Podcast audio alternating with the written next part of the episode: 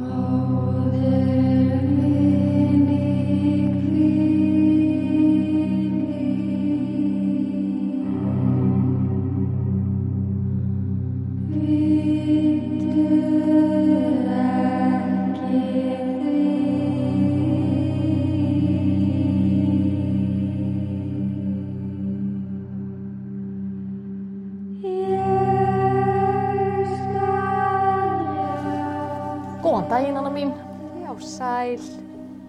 Ég er í mútum.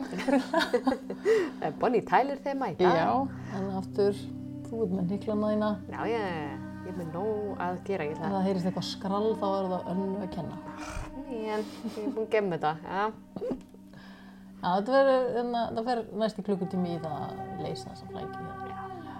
Nei, ég held að við verðum ekki svona lengi núna. ok. Uh, ekki eins og lengi og síðast, mástu. En já, það, ég er bara ekkert stressuð, sko. Ég, hérna, er með handrið sem er ekki jafn langt og um daginn. En er það jafn spennandi?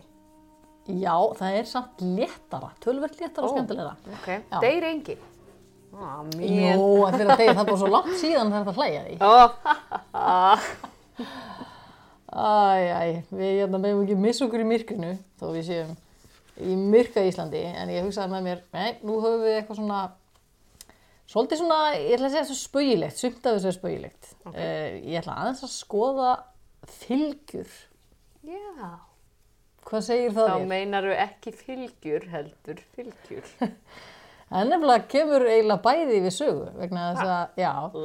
Já, í, norrætni sem sagt fornalda og miðalda trú, þú veist, þegar vikingarnir er að koma, alveg til svona 1400 og eitthvað, þá voru andlegar verur sem að fylgja hverju manni kallaðar fylgjur uh, eða stundum dísir. Það er svolítið svona útlenskt eitthvað. Já, já. Já, þetta voru sagt, hérna, eh, já, einhvers konar verndarar. Hugmyndin var það næstum eins og fylgja væri það sama og gæfa Já, eða hamingja. eitthvað sem fylgir þér. Já, og það þarf að vera þér einhvern veginn hliðholt. Eins og hver einstakur maður átti fylgju, þá gáttu líka stundum heilar ættir átt svona ættar fylgjur. Já, Þannig að stundum gekk hún hreinlega í erfir. Ef einhverju ok, fylgja ég fær sumabústæðin ef þú fær fylgir. Hver vil stellið? Hver vil fá- hans pappa? Mín fylgja, Ó, já, hún er leiðileg. ó. Uh, það var hérna, uh, það er áttunni yfirleitt að vera sko til gagns þessar, þessar fylgjur og svona hjálpa til, já. Það var þannig þá. Uh, það er svona stundum í einhverjum fornsögum er talað um að sá sem var að, einhver var að deyja og þá einmitt fann fylgjan sér einhver svona nýjan aðila, hún var greinlega ekki til í að deyja líka eða Já, hverfa ok. með þessum sem var að deyja og segja bara hei, ég ætla bara að stökkva hérna og þannig var þetta einhver svona ættar fylgju. En annars virðist það hafa verið almenn trú að fylgjan sko, fylgdi yfir bara einum manni fyrir sig og dægi með honum eða henni. Og ég veit ekki hvort að þú hefur heyrt þetta orðtak sem að segir sko, ekki eru allar dísir dauðar enn. Hefur heyrt þetta? Nei, Það var svona þá hjá einhverjum sem að átti ennþá möguleika, skilur Æja, það er ekki öll gæfan horfin frá honum, já, þessum. sko. ekki eru allar dísir Dísirnar hans, já, dauðar. já. Já, já. Eða það var sá sem er vonlaus, í vonlausu stöðu, dísirnar eru orðnar þeim reyðar eða afundnar. Mhm. Þá eru þær hreinlega búin að snúa við bakinu, svona eins og, eins og hafi yfirgefið þig. Já, Ekki gott. nei. Sumir eru sagðir hafa átt eina, neðst, e, fleiri en eina. Og þá komum við jafnvel stundum í ljós að þær önnur var góð og hinn var vond. Það er svona svolítið svona eitthvað púka Já, engla, já, svona já. svo í teiknimynd. Sitt hjá sér ykkur auksninni. Já, eins og Andrés önd. Já. Í íslenskum þjóðháttum, þetta ekki það? Eh, Jónasar, vinar okkar frá Hrafnagiri. Þá nefnilega, eignar þess að ég heyrði þetta fyrir löngu síðan þegar ég hlustaði á Jónas. Ja. Hann var ekki að tala, Nei, hljóðbók. Þá man ég þetta, hérna, mér fannst þetta svo áhugaverð þegar ég heyrði þetta og ég ákvað að setja það hérna með vegna þess að hann var náttúrulega að tala um þjóðlega síði sem að voru við líði á 19. öld sem svo, eða fyrr. Þannig að þegar hann er að skrifa þetta, 1900 og eitthvað, Já. þá er þetta gamla daga fyrir honum Já. og margt sem honum finnst skrítið. Já, já, svona, já, hann bara tekur allt til sem hann hefur heyrt og þá er talað um að uh, hvað eigi að gera við fylgjuna eftir barnsfæðingu og hann segir, þetta er orðrétt barnsfylgjuna átti að taka og brenna en það var það allsíða og er vist enn í dag þarna, þú veist, hjá honum Já. Svo trú var fyrir um að fylgja væri heilög og henni fylgdi hlut af sálu barnsins sem ekki Já. fættist fyrir með henni. Eigi má kasta henni út á víðavang því að þá geta illir andar ná valdi á henni eða ykkur dýr étið hana og fylgi það dýr eða sá andi þá barninu. Og svo hann hlaupi í Já, sálinu á barninu ef það kemst í fylginu. svo er það bara að tófa eða eitthvað. Já, ég er eiginlega eina skeppna sem er til þarna sem að myndi geta og kannski hundur eða köttur og svo tófa því að mingur var ekki einu sinni komin hana. Já, eða þá bara yfirnáttúrulega dýri, Eða það. eða eitthvað svona sem... Rétt, eitthvað sæskrimsli. Já, eitthvað Já. svona sem að... Um, sama er ef hún er grafin þá geta dýr grafið hana upp og getið. Þó var hún oft grafin fyrrum og átti þá að gera það vel og í, vel yfir hana með grjóti. Ef hún er brend fylgir manninum ljós eða stjarnar. Í fordri trú hafði hver maður fylgju og voru þær oftast eitthvað keimlíkar lundarfari hans eins og sögurna bera með sér. Þá var þetta svona, eh, svolítið svona eins og í Indíána. Þú veist, að það fylgir þér, Já. þessi fylgja, hún er eins og eitthvað dýr. Og svo er einhver annar maður sem er held ég Harry uppi. Potter þegar. Já, hvað, í hverju var þetta? Var í hérna gildi áttavitin og, mástu þetta því? Hmm, ég hef Það ekki gerði séð ein það. mynd og svo var lúmski hnífurinn og eitthvað, þetta er því Philip Pullman. Þá var svona, hvert barn fyrir sig átti svona Sitt dýr já. sem fylgdi því alltaf. Já. Já. Eh, það er annar maður sem að heitir, eða hétt, Finnur Jónsson var prófessor í miðaldafræðum. Hann sagði aðeins öðruvísi frá sem er barnfylgjuna að hún hafi vissulega verið álitin heilög sem ekki mætti á nokkurn hátt misbjóða. Hins vegar segir hann að hana megi ekki brenna því þá var barnið eða manneskjan fylgjulaust sem þótti jafn slæmt og ef einhver var skuggalaus. Já. Ég veit ekki alveg hvað Vel er slæmt. Já, en er það slæmt? Já, það er bara eitthvað svo... Já, já, það er bara, þú döður. Það er óeðlilegt, já. Já, mjög óeðlilegt, sko. Já, Þess að það er ekki minn eitt nafla eða eitthvað. Guð minn góður. Guðin góður. Alls ekki mátti fleia henni út á víðavang þar sem bæði vondir andar komist að henni og gjörðu barninu með því mein og hrædýr átu hana upp. Best hafi verið að grafa hana undir dyra þröskuldi þar sem móðurinn gengi um á degi hverjum þegar hún var stígin af sæng. Þetta er náttúrulega í þá daga þegar það var ekkert mál að grafa í, í gólfi. Já, hún myndi kannski ekki, þú veist, bara spænu parkati og svona, Nei. þegar það er moldargólf. Þá, Já, ef það er moldagólf hjá þér, Já. þá Það endilega. var á þessum tíma, þú veist, svona á 19. öld, flest hús þannig, held ég. Já. Og þá svo skaltu grafa hérna fylgjuna þar. Uh, en svo var orsök til þess að menn ímynduðu sér að hluti af sálfústusins yrði eftir í fylgjunni þegar barni fættist, en Það er kæmi síðar með henni. Það er svo surrealist. Já, eins og sé tvískipt. Ah, Mjög skrítið. Væri hún grafin undir þröskuldinum áttu viðkomandi fylgju í einhvers, einhvers þess dýrs líki er var sjálfum honum líkast.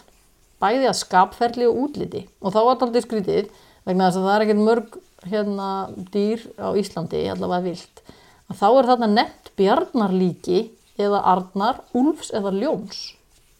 Sem það er er mjög svo mikið skrítið. byrnir á Íslandi. Já, eða ljón, en þá síðan. Ég skýr þetta með byrni og úlfar þegar þeir eru í Noregi. Og ísbyrnir og eitthvað. já, en ljón er svona svolítið lengra. Já, mm, ok. Allavega það var þetta og sko, fylgjur svikulla, hrekkvísra og göldróttra manna, þeir, þeir voru í tófulíki Já, af já. því að grei reppi fær alltaf vonda. En fríðra kvenna til dæmis í általíki. Já. Já, og þá í öllum þessum myndum gerðu þessar fylgjur vart við sig og bóðuðu stundum komu þe- þessara mannesku.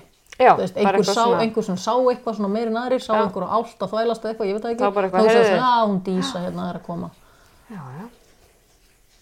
Já, þetta er svona, þetta var sagt í gamla, gamla daga. En í dag leggjum við frekar skilning í hugtæki fylgja í einhvers konar draug, er það ekki? Jú, jú. Já. Það ná yfirleitt sko eh, einhver draugur eða uppvakningur sem fylgir ákveðnum einstaklingi eða ættum og gæti jafnvel verið frekar sko með illa náttúru Já, þetta er svona getur verið Já, Já, er svona- halvvondur þessi. Já. Finnst þér, mun- er það ekki það sem þið í? jú. Já, þetta er ekki endilega til góð, sko. Nei. Þannig að það gerðist eitthvað á þessu tímabili frá 12. öld, fram á 17. öld, Nú, sem að sneri bara alveg þessu við. Gerði, einhver hefur sagt eitthvað. einhver hefur sagt eitthvað. Frá því að vera, sko, hérna, svona gæfa og happa, eitthvað Já. svona dýr sem fylgir þér, Yfir í að er vera þetta svona orðið ólukkas eitthvað sem að ástand, sko. einhver hefur, sko, eiginlega sett þér til þess að meiða þig. En það getur ímyndað er að fólk, hvað fólk gæti orðið skeftísk. Já. Á þessu tímabili. En hvað gerist líka á þessu tímabili? Fólk færist úr því að vera heiðið með gamla, gömlu sögurnar sínar Já, já. yfir í kristið samfélag. Kannski Já. ef þeir bara hálfpartin snúið þessu við. Að þessi nú sko- þjóðtrúin, hún er vera illa. Í þessu kristna áttu náttúrulega líka bara skammast þín, sko. Skammast þau fyrir gömlu síðina þína? Já, sjálfsögðu, alltaf, alltaf minnst okkar í það, sko. Já. Þannig að það hefur snúist algjörlega upp í, þannig að ég ætla að nefna nokkra, þetta er alls ekki tæmandi listi, af því að það er rosalega mikið til af sögnum í íslenskum þjóðsögum um svona fyrirbæri. Já, Uh, ég ætla að nefna, við erum svolítið mikið á Austur- og Norðurlandi í þessu. þessu. skemmtilegt. Uh, ég ætla að nefna mann sem heitir Sandvíkur Glæsir. Mm. Hefur þið þetta? Nei, Héraðsbúi var landeigandi að Sandvík á Austfjörðum og átti í vandræðum með að fá leigulegan á jörðinni til að greiða landskuldina og deildu þeir nokkuð um þetta. Sandvíkurbóndin, þessi sem skuldaði, hann fann hollenskan farmann, hálf dauðan í fjörunni eftir skipskaða þar fyrir utan. Erlendi maðurinn var hár maður í kjólfötum með pípuhatt. Veit ekki alveg hvað hann var að ferðast svoleið, svona. já, ég veit. Hann var í háum njástíguvélum með svo kallaða glæsi bringu. Ekki verra. Ég held að það sé eiginlega bara svona hálfgeitt pappa. Er það ekki svona Jú. brjóst á Jú. peysufötum? Jú. Já. Mjög stíft og óþægilegt. Já, þessu pípahatturinn á ferðinu. Já, það var ferðarlega með ringi og fingrum. Já, Bóndanum, sem hann var ekki sérstaklega karakter, sýnist mér, leist, hann borgar í skuldina sína og svo gerir hann þetta. Hún leist vel á að þetta veri fjáður maður sem hægt verið að hagnast á. Hann skar því hausin af skipbrótsmannum og rændi af honum ringunum og peningakistli sem hann hafði meðferðis. Þetta er Jack Sparrow dæmi. Já, þú veist, að var með, ég segi bara, var hann búin að krabla sér upp í fjöruna að reyna að bjarga þessum peningakísli úr og svo kemur bara einhver villimaður að skera hausin á honum. Æja, greið maðurinn, hérasmaðurinn þessi sem að þessi, hann skuldaði pening, landeigandinn, hann á svo að hafa fundið þetta lík af hollendingnum, hann að hauslaust og vakið hann upp sem draug og sett hann til að ásækja hinn skulduga sandvíkubónda, þess að sem að drapa hann í rauninni. Já, Það ber ekki öllum sögunum saman hvernig þetta var til, þessi, hvernig þessi draugur var til. En þessi draugur, var hann til að lána. Já, það einhvers stað að koma frá. Hann var all fyrirferða mikill í sveitinni og fylgdi jafnan þessum sandvíkur bónda. Þetta er hérna, eh, mér langar að segja norðfyrði eða eh, þetta er á fjörðunum þetta er svolítið áskekt. já, ok. Uh, ættingum hans og afkamöndum og það bara öllum þeim sem ferðuðust frá þessari sandvík, það voru, voru þrýr bæir hérna. Já, Þetta var svona smáþort eða svona, það voru nokkur sem bygguð hana. Hollendingurinn hafi verið hinn glæsilegasti eins og áður var líst og hann gekk um með broddstaf með rendum beinhnúð á endanum og honum var líka ringur sem hringlaði séfjöld í sem ég sé fyrir mér að svona, sé svona mjög ógeðslegt eða svona Já. dramatíst fyrir draug að vera með. Það ringlar alltaf í hann þegar hann Já. er á ferðinni. Þetta er, svona, þetta er gott, þetta er gott bragð sko. Uh, vegna þessa glæsibúnaðar var draugurinn alltaf kallaður Sandvíkur glæsir. Jafnvel þótt hann ætti það líka til að byrtast í öðrum gerfum. Hann, hann svona tók á sig myndir annra. Hann var frekar spauksamur sprelligósi og hermdi gjarnan lista vel eftir fólki. Uh, ef að glæsir hafði sínt sig sem drukkin maður á einhverju nágrannabæ var bókað að einhverju druknir menn kæmi þangað frá Sandvík um kvöldið. Þá var hann búin að vera með svona fyrirfram atriði, Ah. leika fullan kall eitthvað og svo byrtust þeir. Það hafði alltaf svona fyrirbóði. Hann átti það líka til að tala til fólks með djúpum rómi og atast í því. Og þetta segir sem sagt í hérna í einhverju einhverju æ- æ- eða þú veist þjóðsögum þá segir ýmsar brellur og glettingar gerði hann mönnum og stundum drap hann gripi eins og svona eins og það væri bara svona létt spaug og alla mánudaga. Ah! sem dæmi lendi fólkið á hofi í Norðfyrði í því að heyra skadræðis öskur eða óhljóð frá kunni á bænum. En það var innan gengt úr bænum í fjósið. Ekki nóg með óhljóðin heldur virtist kunni vera kasta til og frá á básínum. Þegar farið var aðtúa málið var farið að hryggla í henni eins og hún næði ekki andanum. Hún var með litlu lífsmarki og að lokum fjaraði líf hennar út. Það var sem sagt ekkert að gera, hún var bara einhvern veginn að kapna þetta. Ekkert annað sást markvert í kringum hana í fjósinu. Þegar kýrin var flegin daginn eftir var hún all marin og illa farin, sérstaklega á hálsinum. Á meðan á því verki stóð, meðan það var verið að flá hana, komu fjóri menn frá Sandvík og því var atbyrðurinn eignaður Já. Glæsi. Já. það var svona fólk se- setur bara, leggur bara saman þrjá og þrjá einhvern veginn Og fær út tí. já svo mætti glæsir á öðrum bæ þar sem að húsbóndin kom út á hlað að taka mótónum af því að honum, hann held þetta að veri presturinn sem var að koma og bóndin svona tekur ofan hattinn til að heilsa og þá tekur hann eitthvað sem hann gerði víst oft að taka hattinn og hausinn Já, með. hann var sjálfsögðu hauslust. hann var nefnilega hauslaus hann er ekki næstum hauslausi Nick heldur er bara hauslausi Nick og bónda brá við en þó ekki meira en svo að hann réðst á hann Nú, hann réðst á drauginn og uh, hann, draugurinn lagði að flótta og það var mjög skringilegt það stendur með undarlegu hlaupalægi sem að var líst þannig að báður fæ... báður fæturnir hefðu verið á undan hæ?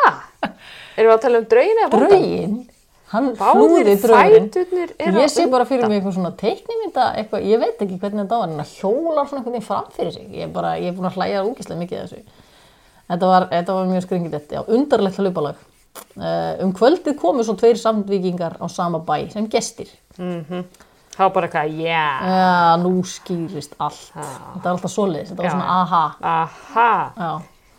Og svo var einhver krakki einmitt sem var að passa túnið einhver staðar og, og hann samt var hann inn í bænum, ég veit ekki alveg hvort hann var eitthvað að fara út að kíkja á málið eða að hann gat ekki sofið af því hann heyrði alltaf hringla í stafnum fram og aftur fyrir utan á bæjar hellinni, hringlaði svona dung dung og svo næsta dag þá kom einhver kona frá þessari sandvík í heimsókn. Og það er ekki talað um eins og svona mjög oft í enda og svona hérna sögum, þá er ekki talað um hvort það sé búið hvenan hann draug niður ekki eða hvenan sá síðast Við til hans reiknum með því. ég, ég veit ekki Ég veit ekki. Nei, reyndar uh, reyndar eldast draugar og þeir er ekki eilífi sko við komum að því síðar Nú. svo er annar uh, náengi sem var svona svolítið flottur gaur uh, hann hétt, eða var kallaður Húsavíkur Lalli Lalli frekar en Lalli Já, já. er það ekki? Já. Þú reynir þetta ekki sjálf? Jú. Ég veit ekki hvort það er, þeirra er tvö Lalli. L, hvort það er lalli Já, já. eða lalli. Það það er hægt að segja sko fjörulalli. Já. Ég held að það sé það er lalli. Já, það er ekki lalli. Nei. Nei, ég held að þetta sé bara lalli. Það var, það er, það er ártal á þessu. Það er sem sagt maður sem heitir Ketill Jónsson. Hann var prestur í Húsavík á hérna, árum einhvern tímann að miðri átjándu öld. Í 1700 og eitthvað. Húsavík eða Í Húsavík, já. hvar er þessi Húsavík? Uh, þetta er bara, Líka á Ístfjörðunni. eh, nei, þetta er ekki bara Húsavík, Húsavík. En það er náttúrulega til margar Húsavíkur. Já, Húsavík. höfða hverfi, er ekki, er það ekki bara Húsavík? Ég held að þetta sé bara Húsavík, hérna, Húsavík, Húsavík. já, Ok. hvað heitir, eh, þú veist, þingaðarsýslu? Já. Já. Já. Suðu þingaðarsýslu? Nei, er það ekki? Suðinguðsísli. Ég veit það ekki, er það suður? Ekki. Herðu, við erum ekki í landafræði. hérna. Nei, ok. Haldt ára. Ég er ekki með neinn próf í landafræði. Allavega, honum var sagt sendur upp vakin draugur uh, og hann var ekki talað um hver gerði það. Það er talað samt að annar maður sem að var ekki nefndur hafði viljað ná í konunans ketils. Og þá var besta leiðin að senda prestinum eða konunni þannan uppvakning. Draugurinn kom að hitta prestin. Gerðu þú þetta ekki? Ég þarf að "Hvernig hringja í get ég-" þig. Segðu hann maður. Er hann með síman ás? Nei, það ná henni af honum. Já. Það ætla ekki bara að ná henni í síma. Getur bara, það er illa lagt á að næsta bæ. Lalli ekki. Þetta er skroppið. Æ, draugurinn kom að hitta prestin en hún er missefnaðist að koma honum fyrir kattanef. Þannig að hann var svona svolítið missefnaður. Sagt var að uppvakningurinn gengi í kjólfötum með háan hatt og hárkollu. Hann leit út eins og fyrirmaður, hann svolítið svipaður að það hinnum. Já. Draugurinn hafðist við í Húsavík og því var hann kallaður Húsavík og Lalli. Þetta ekki ekkur Lalli. Hann gekk þar, hann gekk þar um sem grár köttur, gerði ímislegt illt af sér, draf, draf meðal hans fjenað. Mesta megin þótti af honum heima á bænum í Húsavík. Var þessum Lalla kentum að ung dóttir sér að Kettils druknaði undir Húsavíkur höfða í því sem síðar var nefndur Ingunar Pollur. Og ég býst við að hún hafi þá heitað Ingun. Já, líklegt. Að öðru leiti náði hann ekki að vinna heimilisfólki mein.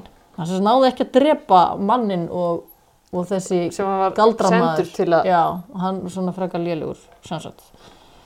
Sem morðingi.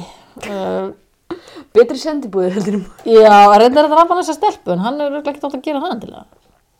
Það fór mikið orð af Húsavíkur Lalla um setni hluta átjöndu aldar og sagt að hann gengi nær ljósum logum um sveitina. Þorvaldur hétt maður í sveitinni, bæði skáld og kunnáttu maður og þóttur lægin við að losna við reymleika. Þannig hafa verið það í símaskrafni. Draugabanni.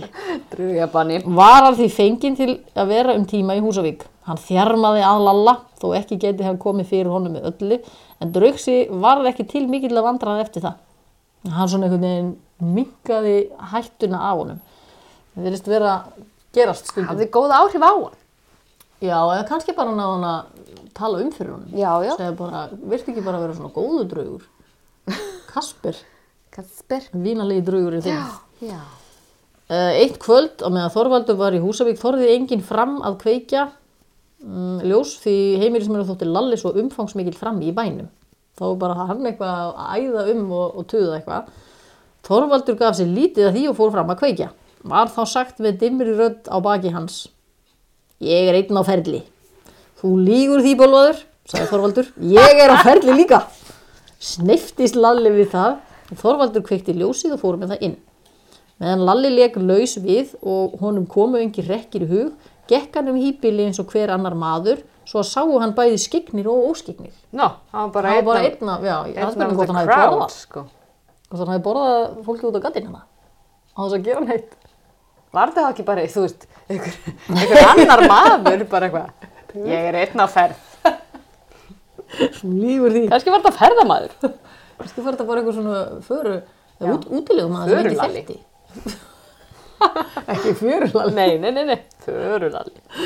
Æ, það sem seinast er sagt af þessum Húsavíkur Lalla er það að skömmu eftir að faktur mór var, að, var sestur að á Akureyri sem ég heldur endur að stemmi ekki alveg tímalega sér. Uh, að sagan segir þetta, þá var það eitt kvöld að maður kemur að honum mór, sem sagt þessum eitthvað kaupmaður, eitthvað faktor og spyr hvort hann vilja láta sína sér Húsavíkur Lalla. Kannski var hann bara, draugunum búin að vera svo lengi þá að þess vegna passi ekki tíminn. Já, kannski var hann bara 100 árum síðar eða eitthvað. Já, ég meina, já. Já, Mór er fús til þess og byður hann sína sér. Hinn bendir honum úr búðardýrum hvar hann standi. Mór sér hann ekki, segir það er ekki þarna, neitt. Há segir maðurinn, stingdu höfðinu undir vinstri handarkrigan á mér Opposí. og þá gat hann séðan í gegn, ég veit ekki af hverju. Já. Þetta er svo skrýðið. Skemmt. Er þetta hressandi? Já, þú veist. Undir vinstri handakrigan. Já, Ok. og þá sá hann hann uh, og snarar að sér inn í búðina, hann mór, sækir byssu og hleypir af beint á lalla. Þau sáðust þar eldklæringar einar. En var hægt að skjóta?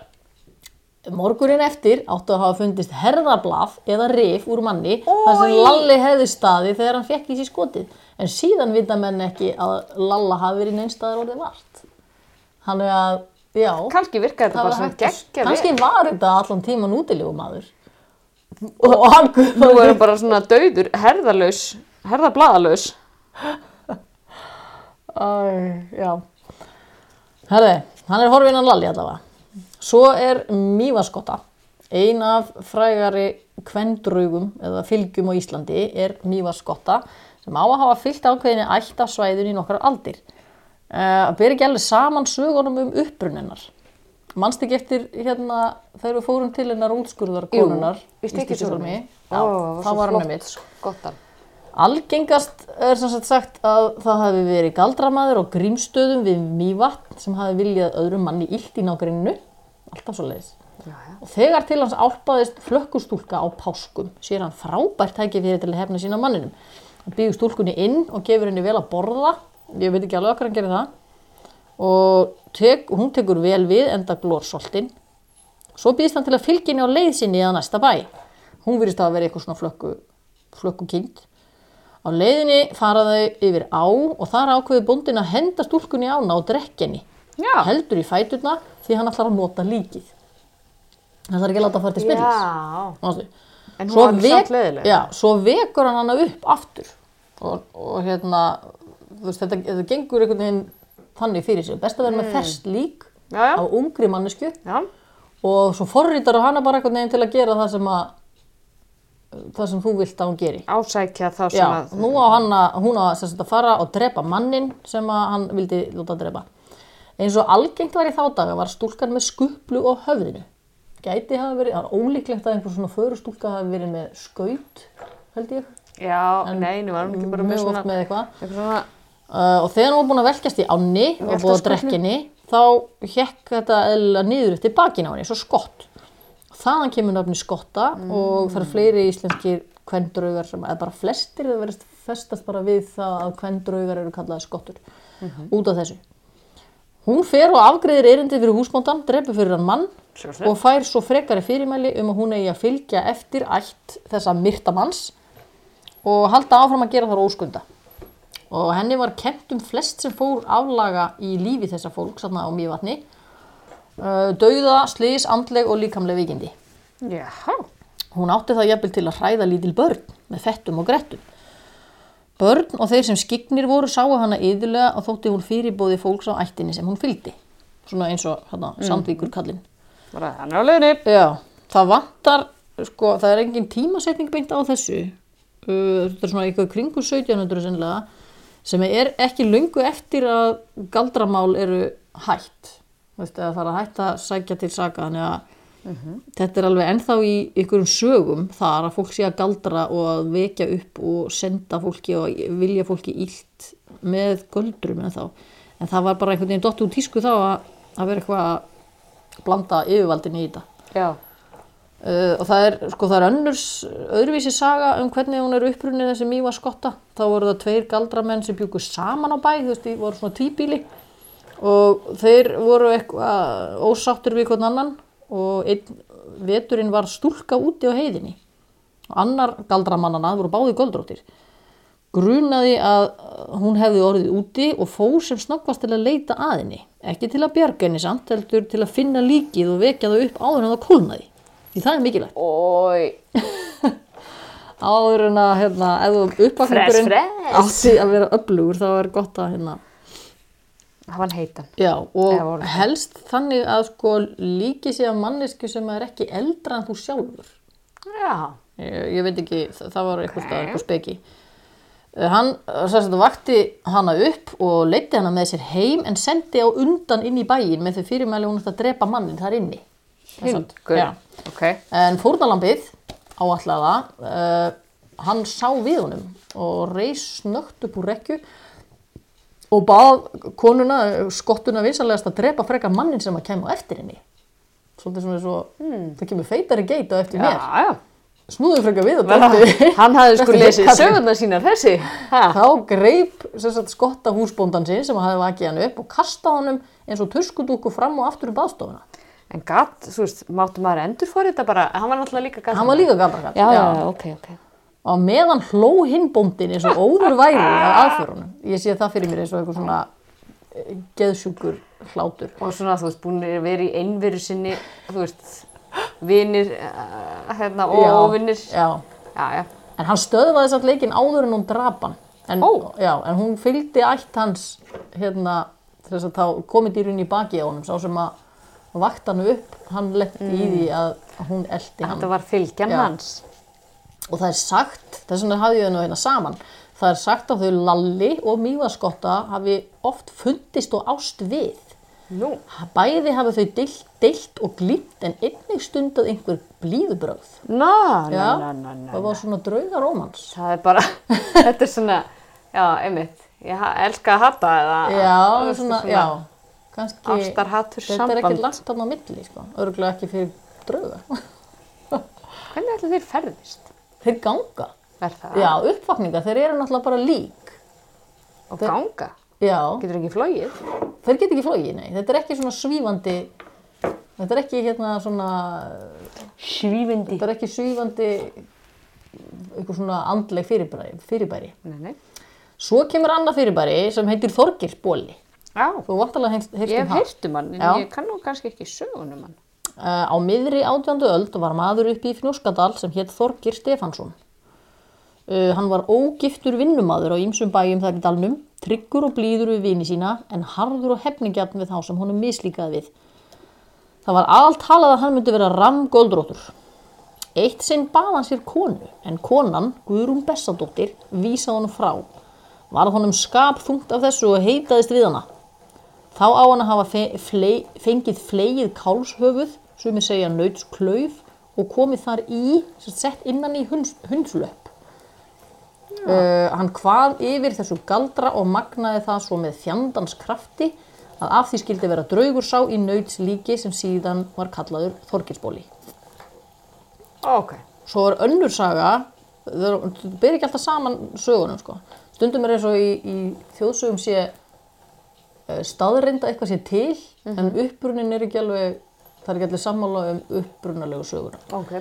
Uh, önnur saga segir Þorgeir hétt maður sem margir kölluðu Galdra Geira, bróður hans hétt Stefán, kallaður Kvæða Stefán, það voru allir kallaður eitthvað. Já, stjórnsum. Uh, sagt er að hann kvæði og syngi viðbyrða vel. Þeir voru Jónssynir. Hinn þriðji maður er nefndur sem Andrés hétt var hann móðubróðu þeirra bræðra. Voru þeir allir úr Fnjóskadal. En langar að segja að það sé í, í skagafyrði eða í fljótum. Getur það verið? Ok, læra minni sakfræði með landafræði. Já, ég þarf bara, ég þarf að skrifa þetta hjá mér eitthvað. Ég ætlaði að vera búin að aðtöða þetta. Ja, ég sendi mig handuspost ef að ég er í borgarfyrði. Eh, það er mín, eh, hérna, já, ég, Það er þín landafræði, það er það borgarfjörður. er borgarfjörður. Upp að baulu. Ég er ekki einu sinni góð í því, sko. Nei, Bróður minn segir bara stundum bara, sér hún, ert þú ekki hérna? Ert þú það er með ána, ég sagt er að þessir þrýr menn, þessir galdra menn hana, frændur og bræður, hafi útbúið bóla.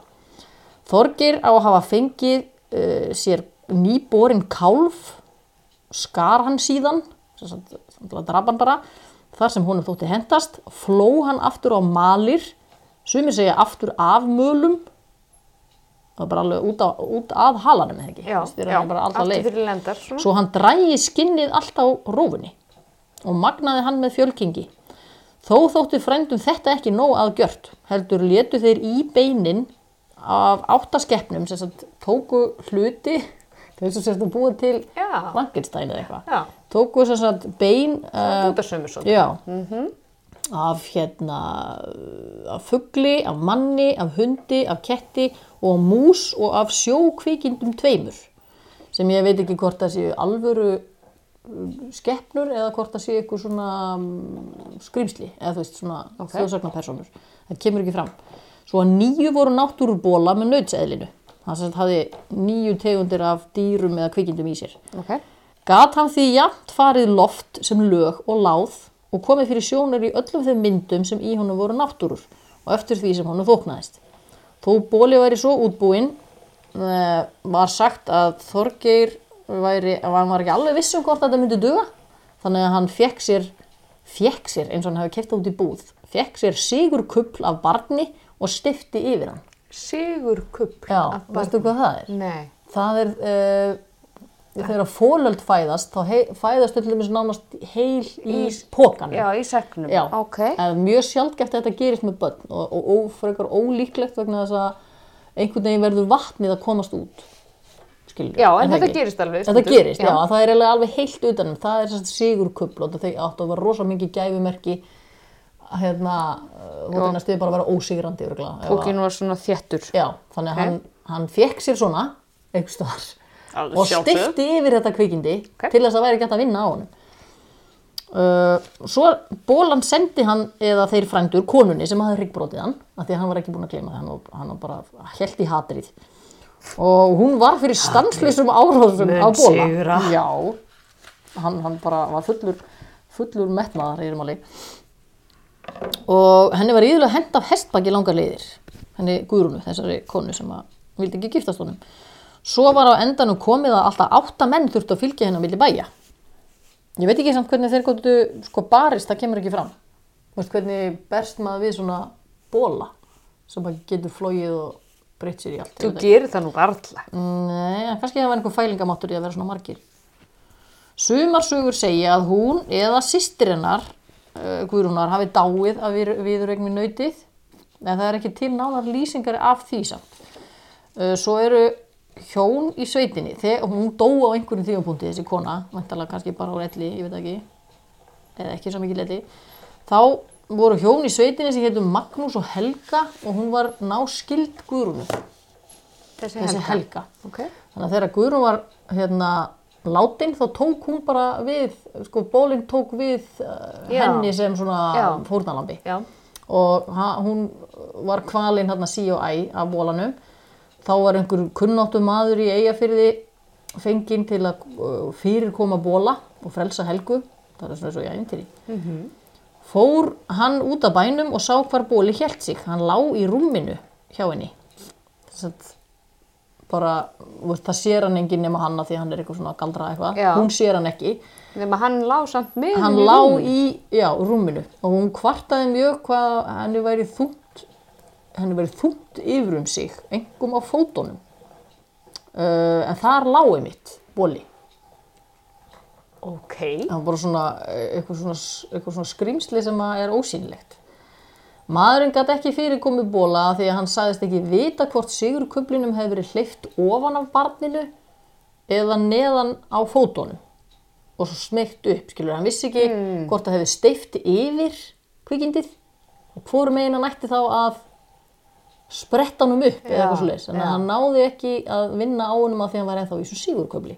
Þannig að það var alveg, hérna að það endaði með því að hún dó þessi kona og fólk kendi náttúrulega bólanum um og bóli fylgdi fólki hennar lengi eftir það. Eh, eftir þetta, þetta þessi bólamál, urðu sveitungar hans Þorgeirs mjög hrættir við hann. Þú Þorðu- segir ekki? Já, þorðu fáir að gera honum á móti skapi því hann var vís til að grípa til forma líka. Maður sem gerði góðlátlegt grín að honum dó á óhugnarlegan hátt og þótti fólki ljóst að bóli hefði gengið frá honum. Nokkur síðar giftist hann þessi Þorgeir Ok. og ég hugsa með mér, já, þorir einhver kona að neyta Nei. þessu manni núna Nei, nei. og bjó uh, í Fnjóskadal í 27 ár og átti þar nokkur börn. Síðan flutti hann að Leifshúsum á Svalbardströnd, ég veit ekki hverju þetta var tekið þannig nákvæmlega fram. Jú, það var að, jú, jú, jú, þá fannst mönnum sem að reymleikar aukast í héraðinu í sveitinni þar sem Já. hann var. Já, já, þar sem hann var að flytja nýjum Boli sveitinni, tók bóla með sér. já. en þá hefur húrra. líklegast bara sjatna málinn í hinnu sveitinni. Það geti verið, já. Nefna þegar hann fylgdi fólkinu hennar hann. Hann fer víða. En sko, ég held að sko meðan að Þorgir var lífandi, þá var hann svona sendisveit fyrir hann að gera vonda hluti. Eftir að Þorgir var dáinn þá fylgdi hann, held ég bara ákveðinni ætt. Ok. Og hann fylgdi Þorgiri sagt, þarna til að byrja með og börnum hans eftir að hann hafi gert skildur sínar gagvart öðru fólki. Uh, um tíma var það svo að fjenaði og gripum í sveitinni var ekki með öllu óhætt fyrir beinbroti eða ónáttúrulegum flógum eða það var það vegi bólans.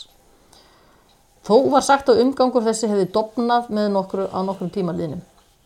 Menn þóttust sjá bóla og verða varir hans bæði vakandi og sofandi. Þeir sem ekki sáu hann heyrðu hann oft baula með dimri rödd og virtist það þá oftast vera eins og niður í jörðu undir fótum þeirra.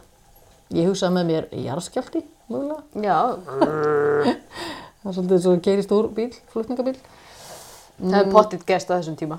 Já, ég meina þú veist, það er eina lýsingi með, sem maður skilur, þannig að maður myndi kannski halda, já, er þetta eins og baul? Er þetta eins og stór flutgabíl? Eða stór, stórt naut að hlaupa framhjá? Oftast þáttust, þóttust menn sjá hann í nautslíki og svo útlítandi sem að flegin væri bæði hausinn og svo allur skrokkurinn og húðin lefði öll á honum. Lefði?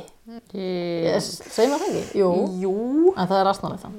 það. Hún lafði á honum, já. Sem að lavði kannski. já og síndist hold og rosan jafnan snúa út. Já, sæll, já. Hold og rosan. Hold rosan. Uh, þess að þetta skinni snýr öfugt í rauninni. Það er svona, já, það, það flapir svona einhvern veginn, þetta er ógeðslegt.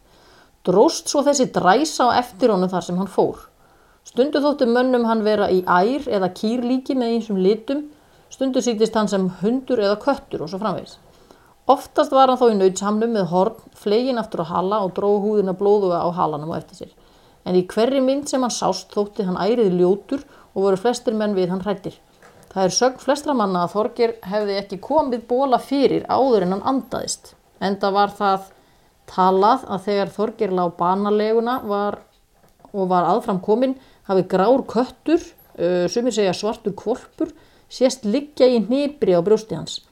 Og það var sérst ein myndin af bóla, þannig að hann hefði í rauninni, ég held að svona galdrakallar þeir þurfi að uh, losa sér við Já, þetta áður já. en því annars bara, velja næsta.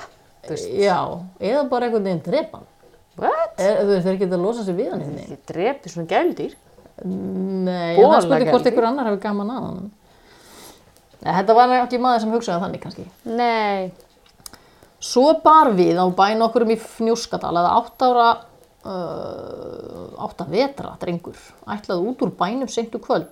Þegar hann kom í bæjadyrnar síndist honum grár hestur standa á hlaðinu sem væri hryggbrotin því kviðurinn náði ofan í jörð. Hann bara svona boing og skorinn á hann bæði eirun og svo sterturinn og hann var líka allur blóðugur bæði aftan og framan. Þessi hestur. Drengurinn var rættur og hljóp inn, ekki. fólkið að fara út og sjá en þegar það kom út sá það ekkert. Það var leitaði í kringum bæin og um túnið og ekkert fannst. Í sama vetfangi kom dóttir Þorgeirs og baðast gistingar og þóttust menn þá vita að hesturinn hefði verið Þorgeirsbóli. Þannig að hann eh, er í ýmsum form þannig kvöld eitt og þetta var d- dagsett já, 1852 uh, passar það? Þetta fer nú víða þessi, þessi tími. Hvernig var hann fættur hérna? Miðri átendöld jú, þetta er þarna er fórgjörð dáin. Allavega, þá eru tvær stúlkur að reka heim kindur að ónefndum bæisveitinni þær heyrðu óurlegt öskur í fjarlægð eins og í nauti. Þær tóku til fótana en það grunaði þær þá hver, hvað væri á ferðinni þetta er greinilega eitthvað sem allir vita Já, og þeir eru þá orðna fyrirfram sko hundar. Já, aftur heyrðist öskrið og nú nær, þær ákveða þá að hlaupa út af stígnum sem þær voru á og þannig fer öskrið framhjá þeim. Það er sérst, hann eldir þær ekki, heldur fer bara framhjá Já, hann er bara just passing. Já, hann tekur fram úr þeim á eftir slóðanum. Þegar heim kom hittu þær bóndan og bænum, hann sagðist líka hafa heyrt nautsökskull. Hann hafi óttast að þetta væri naut sem stemdi beint á bæin og myndi brjótan. En þegar hann sá bólan í návíi var hann vissum að þetta væri alls ekki venjulegu nautgripur og þá kom skrítið því það var allt grátt á lit. Og ég veist að var það óhugsandi. Já, á þeim tíma var greinlega það Já, óhugsandi. það var svona eins og álfakýr eru, sækýr eru, Já. eru sægráar. já. Já, það var, var eitthvað óvenjulegt við það. Hann greip sér þá ljá í hönd og stakk í bóla þegar hann hljópa á honum og þá kvarf hann í eldglæringar. Ó, það var alltaf það eins og eins og hann lalli hérna. Já, Setna um kvöldi guðaði þó Þorleifur frá hrjót á gluggan á bænum en það var þá sá maður sem Þorgirsbóli átti að fylgja á þeim tíma. Eða þetta var sagt að fylgja honum. Og setna var önnur stúlkan áriðin gift kona og heyriði aftur sama öskrið fara fram hjá bæ sínum og sama kvöldi fór þessi sami Þorleifur og hrjót fram hjá með naut á markað. Fór sömu leiðina og öskrin hefði farið. Já. Og Svona, hérna, Þetta er alltaf svona að vera að láta vita, veist, hvað er að fara að gerast. Uh, þegar Bóla gekk ekki vel að koma því fram sem hann átti að vinna um, fyrir Þorgeir, þá snýr hann stundum heim til húsbónda síns og réðst bara á Þorgeir sjálfan. Já, Uh, Svolítið frústreraða veginn- týpan. Já, já. Að Gerði honum og ýmsar glettur og vildi fyrirkoma húsbónda sínu. Og þó Þorgeir veri vel fær í galdri, veittist honum all, oft all örðugt að verjast hérna, bóla og mátti alls til, blá, mátti alls til kosta ef einhver gutti hljóp í bóla við hann. Einu sinni sótti bóli svo fast eftir að ná lífi Þorgeirs að hann flúði ráðalaus undan honum inn í bæ til konu sinnar og faldi sér kannski á bak við hana, svona ég tekni. já, Konan hjælt á ungbarni sem þau áttu og ætlaði Þorgeir að taka það í þessum vandræðum og fá bóla nei, til að sefa hann með því. Þetta. Konan baði hann í öllum bænum að gera það ekki, heldur skildi hann taka kvígu sem þau áttu út í fjósi og gefa honum hana. Það gerði Þorgeir, listi kvígun á hleyftinni út. En að stundu liðinni fannst kvígan öll sundur tætt í smá stykki nálagt bænum. Új. Síðan er ekki getið að hann hafi gert illt af sér til muna nema hvað hann ærði oft kýr eftir það. Hann fylgdi og ættmennum Þorgeirs og ekki þorði Þorgeir annað en láta dætur sína sem báðar hétu Ingibjörg, ég veit ekki ekkur það kemur líka fram, bera rúnstafi í svundum sínum til varnar gegn bóla. Þannig að þetta var ekki alveg til góðs fyrir hann alltaf að hafa... Nei, nei, ekki ef hann snýrist gegn honum bara. Nei, þetta er svona, ég hef ekkert að gera, ég ræðst bara þig. Já. Þú stöndum við næst. Það var, hérna, ég sá svolítið skemmtilegt viðtal við, hérna, afkomanda þessa galdrageira. Nú. Já, það heiti Jóhannes Ríkarsson á brúnastöðum í fljótum. Það var bara eitthvað N4 og bara ég, þetta kom upp við Google, það var svolítið skemmtilegt. Hann vil meina að það getur vel verið að það fylgja honum eitthvað eftir, eitthvað svona, eitthvað svona sem láti vita af sér áður en hann kemur. En hann sagði að það væri sannlega frekar upptekinn bóli því að það eru mörg hundruð ákomendur Já, já. og hann er bara eitthvað svona, ha, ha, hvað er ég? Hver er að koma hvert og hvað? Og svo náttúrulega bara bólar ekkert svo tæknum þetta, sko. Nei, einmitt, hann er bara lengi. Hann bara En Guðni. Forseti er komin af þessu fólki í áttunda lið, já, og það er sagt að þau losna ekki við þetta fyrir í tíunda lið. Nú, Já, þannig að börnina skuðina getur mögulega losna við þetta. mögulega. Sagnir, það er líka sögur af því að ekki bara Húsavíku Lalli og Mývaskotta hafi verið vinir, heldur hafið þau líka verið að leika sér með Þorgisbóla og, og látið hann draga sig. Þetta ekki að grína. Nei, þau sátu á hérna skinnin á honum og hann hljópa eftir hérna ísi lög, lögðu fnjúsk á og hérna dróðu eftir sér. Og þau bara nú víí Þetta er bara svo óndi brandari. Þú veist, þorgisbóli, skotta og gengur á bar. það er ein, svo viðbútt þá komum við í Borgafjörð Nú, hvað er frægasta skottan sem við eigum? Ég veit það ekki. Nú laka ég Við eigum fræga skottu, hún heitir Hvítarvallaskotta Já. Uh, á fyrir hluta átjöndu aldar var kona nefnd Ólöf Jónsdóttir frá Eyri í Ísafjörðardjúpi sem að var held ég bara staðurinn þar sem hann var hann eh, séra Já. Jón Þumlungur okkar maður sem var svo veikur og sagaði alla um að, um að hérna, vera galdra sagaði hann að feðgana tvo Jónana Hún var af efnuðu og góðu fólki komin og átti sér ófáa vonbyðla þegar hún var ung kona. Öllum hafnaði hún þó þar til gjörfilegu maður frá Einarsnesi í Borgarfyrði kom til sögunar. Dó, no, no, no. Sá hétt Sigurður Jónsson, því frumlega nafni, og fekk hann hönd Ólafar. Hann var svo síslumadur og saman byggu þau myndarbúi á Hvítarvöllum í Borgarfyrði.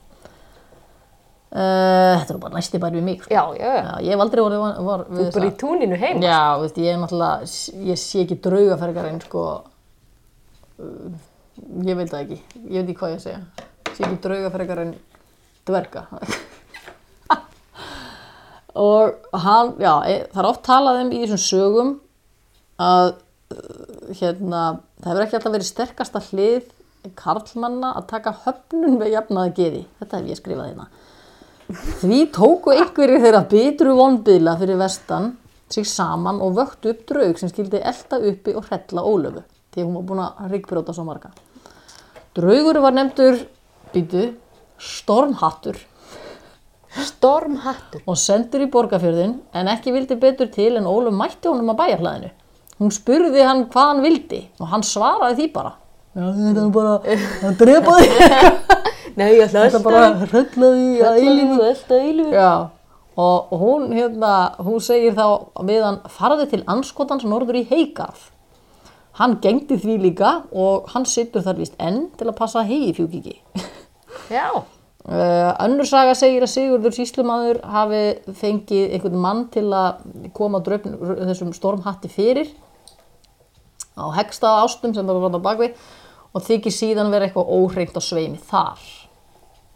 Stor, sko, orðið stormhattur, ég sé fyrir mér bæði stormsveitamann, stormtrooper, og svo mannin í, í James Bond myndinni sem með hattinn sem að kastaði svona hatti og snitti höfuð á fólki eða eitthvað, var eitthvað mjög hættilegt. Þetta var, myndur og hegstuðum að þessu. ég, ég veit það ekki. Það er spurning. Það er spurning. Hann búið hann í ástum hjá hann. En bítrumennir, Vesturi og Ísafjörðardjúpi, þeir heyrðu fréttinar, þetta hlýtur að tekja svolítið tíma, þeir senda hann, svo frétta Já. þeir eru árið setna, stormhattur var misefnaður. Já, bara, og þeir lélegur nú verðum við að gera betur. Þannig að nú skildu þeir senda síslumanninu, sérst manninu sem að tók konuna af þeim uh, og hafa það konu á þessi sinni. Hún var í svartri hempu með fald á höfði, samkvæmt gammalli hefð, faldbúningana og hann var eitthvað fann að slappast og hann lagði niður eins og skott og þess vegna var hún Já. eins og mýva skotta, kölluð hvítavallaskotta. Í fyrstu byrtist skotta Sigurði síslumanni í líki tófu en það var eitthvað bóið við þessa tófu því að hún talaði við hann á mannamáli. Hann, Bara, veistu, Við ég, grunaði hef ég séð þig eitthvað staðar áður? þekkjumst við það. Þekkjumst við. Og hún þess að spyr síslumannin hvað er síslumannin að finna? Og af því hún þekkt hann ekki. Eðlilega kannski. -hmm. Því hún er refur. Uh, Sigurður ákvað að vera ekkert að koma upp um sig og sagði bara hann tók hérna Baldur í Vassfyrði á þetta, sér að Baldur sem að Já. þegar fólk komu ferðamenn og spurðu hvort við vissum prestin Já. nei, ég vinn bara hérna þannig að hann segir, já síslumæðurinn hann er að erindast út á Altanesi hérna út á Mýrum, Já. sem er alveg lengst að er fara frá kvítavöllum já. Uh, þannig að skotta fór út á Mýrar erindisleysu, en snýru svo áttu við eftir þessa fíluferð og þá náðu hann þeim aftur hérna við ferjuna yfir kvítá er sagt, sem er auðvitað bara heima við mér. Já. sem í bakka.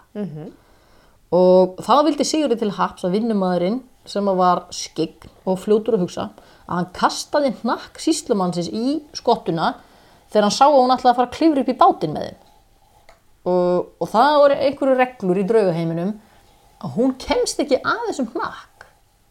Hún situr eftir á hnakknum. Ég veit ekki hvaða vísindi það eru en það er eitthvað. Snið. Ég, ég skil ekki röggin í því sko.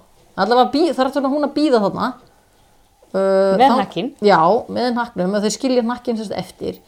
En þá, svo voru þau bara svo óhefnir að, að það rekst náttúrulega einhver á hnakk síslumannsins sem, hörðu, það er hnakkur síslumanns er alveg mertur, þú veist, eitthvað svona með fangamarkin hörðu, ég kom með þetta með hnakkiðin og þannig kom "Ó!" já, þannig komst hún þess að yfir á hvítavöllum loksins og gerði töluverðan óskunda á bænum. Hún fylgdi sig- Sigurði eftir og varð oft til þess að hann sótti illa að þar sem hann kom sem er bara eins og eiginlega allir hinnir það drápust stórgripir eða urður lamaðir En Þegar Sigur var og leiðinni. hann er að koma síslumadurinn hann þurfti stundum að bæta fyrir skadan sem að skotta olli Jú, en hugsið ykkur þú veist að vera það búin að viðurkenna bara æ, já, fyrirgefðu þetta er hérna kvikindið sem fylgir mér Þetta er alveg surrealist, sko. en hugsið hvað þetta fólk að vera óvinsætt Þetta er bara sem að bætur upp fyrir börnin brjóti eitthvað og eitthvað. Já, Þú veist. ertu með heimilistryggingu Nei, ertu með draugatryggingu Já. Æ, Það er að fá mér svo leið Nei, maður er náttúrulega með svoleiðis átt. Já, sérstaklega þetta sem eftir mann Já, ég meina. Já, ég hugsa hvað þetta fólk að vera óvinsælt Já. Fyrsta lagi var Þú það veist, síslum. drepa eina kú, en einu kúna þína eitthvað Já, bara umlegt.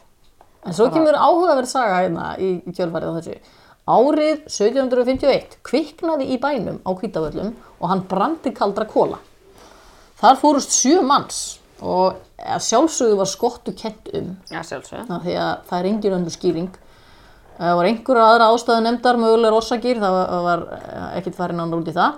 Uh, Sónur Ólafar og Sigurðar hétt Páll.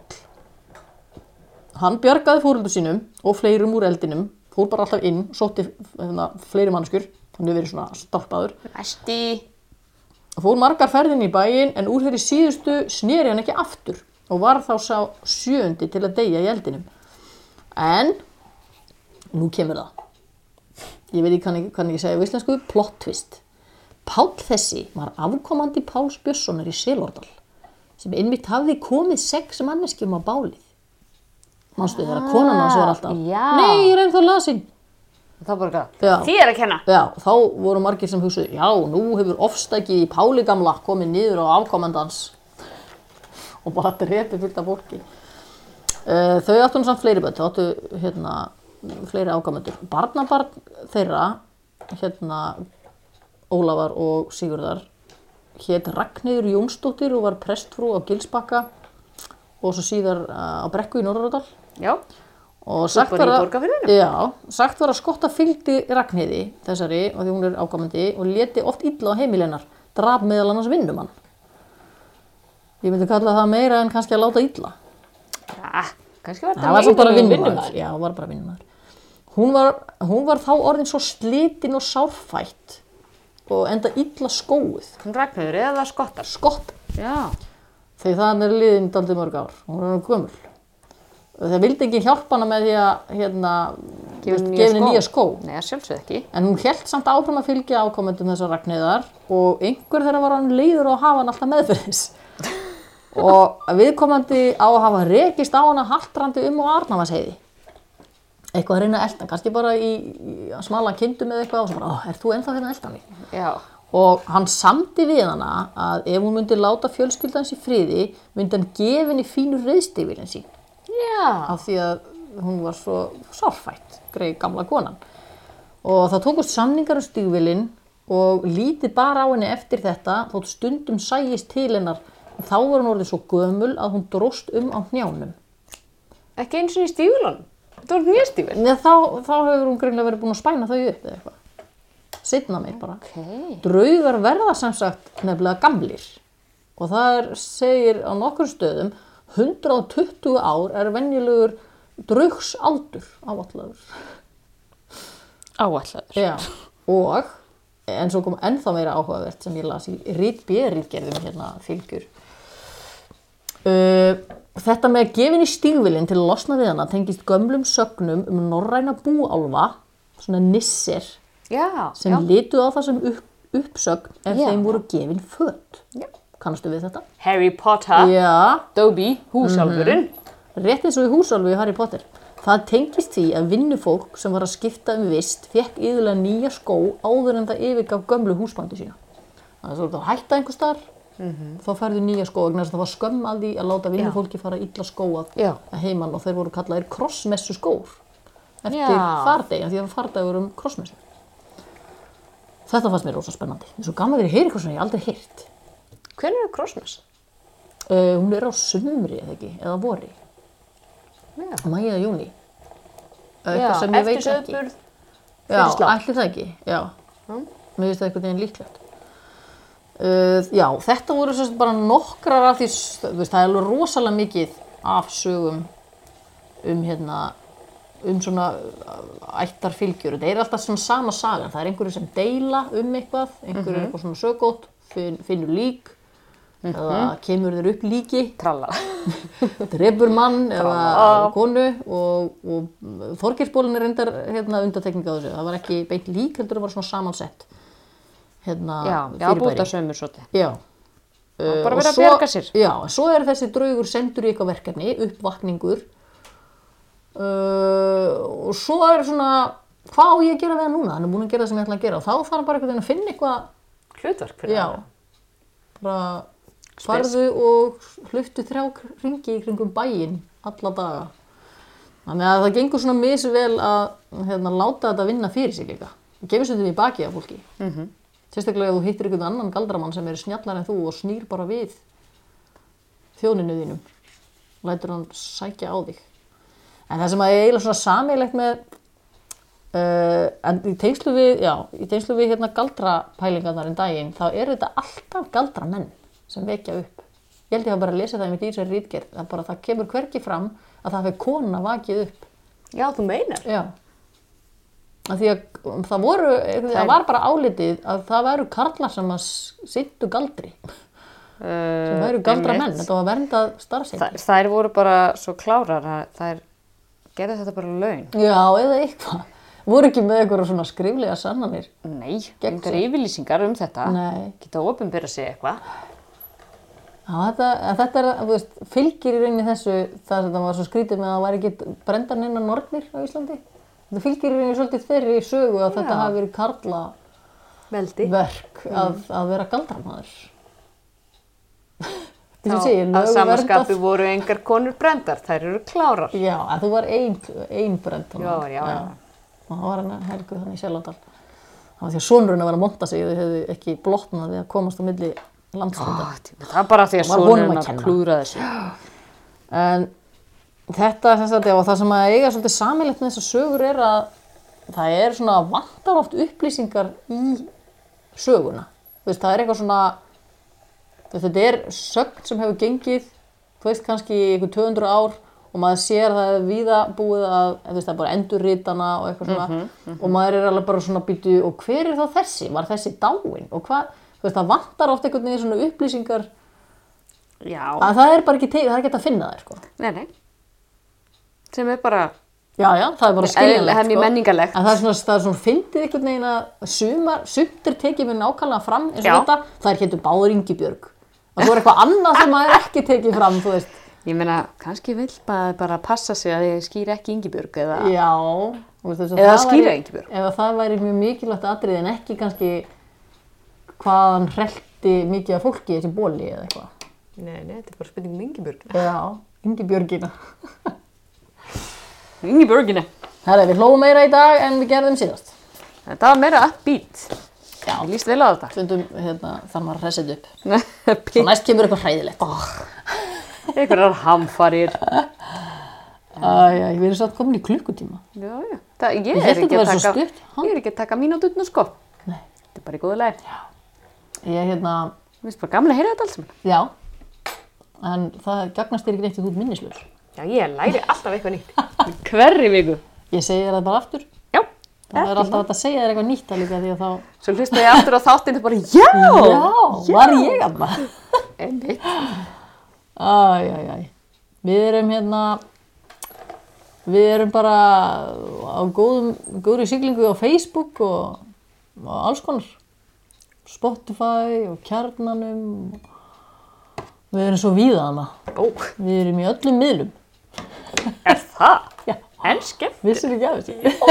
Jó, ég veit alltaf því. Ég set þig í miðla og segi þér svo af því eftir á. Yes, líst að. Já. Og svo má einmitt senda hattuspósta. Já, ástarpóstar eru betur þegnir en annað tekum við hattar.